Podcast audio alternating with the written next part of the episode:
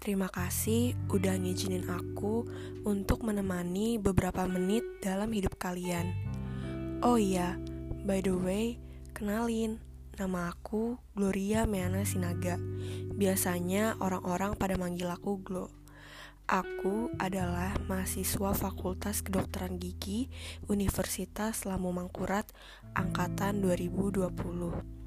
Aku dari kelompok 9 Glossopharyngeal. Di sini, aku cuma mau sharing tentang kegiatan sehari-hariku selama masa pandemi ini. Selamat menikmati ya. Sadar gak sih ini udah mau di penghujung tahun dan waktu kita di tahun 2020 sebagian besar kita habisin cuma di rumah dengan siklus yang kayak gitu-gitu aja. Jujur, ini tahun yang berat sih buat kita semua banyak aktivitas yang tertunda, banyak sistem yang dirombak, gak bisa liburan, dan jalan-jalan sebebasnya. Oh iya, aku kan mahasiswa baru nih, tapi karena pandemi, aku jadi gak bisa ketemu langsung sama teman-teman baruku di fakultas. Padahal udah gak sabaran banget pengen kenalan satu sama yang lain. Iya sih, bisa tetap muka, cuman secara online, kayak ada yang kurang gitu gak sih? Kadang ada juga sekali-sekali aku jalan sama teman-temanku, tapi kita harus pakai masker, jaga jarak lah, ke mana-mana juga harus bawa hand sanitizer, jadi ngerasa aneh aja gitu. Tapi kita juga tetap harus ngikutin protokol yang ada.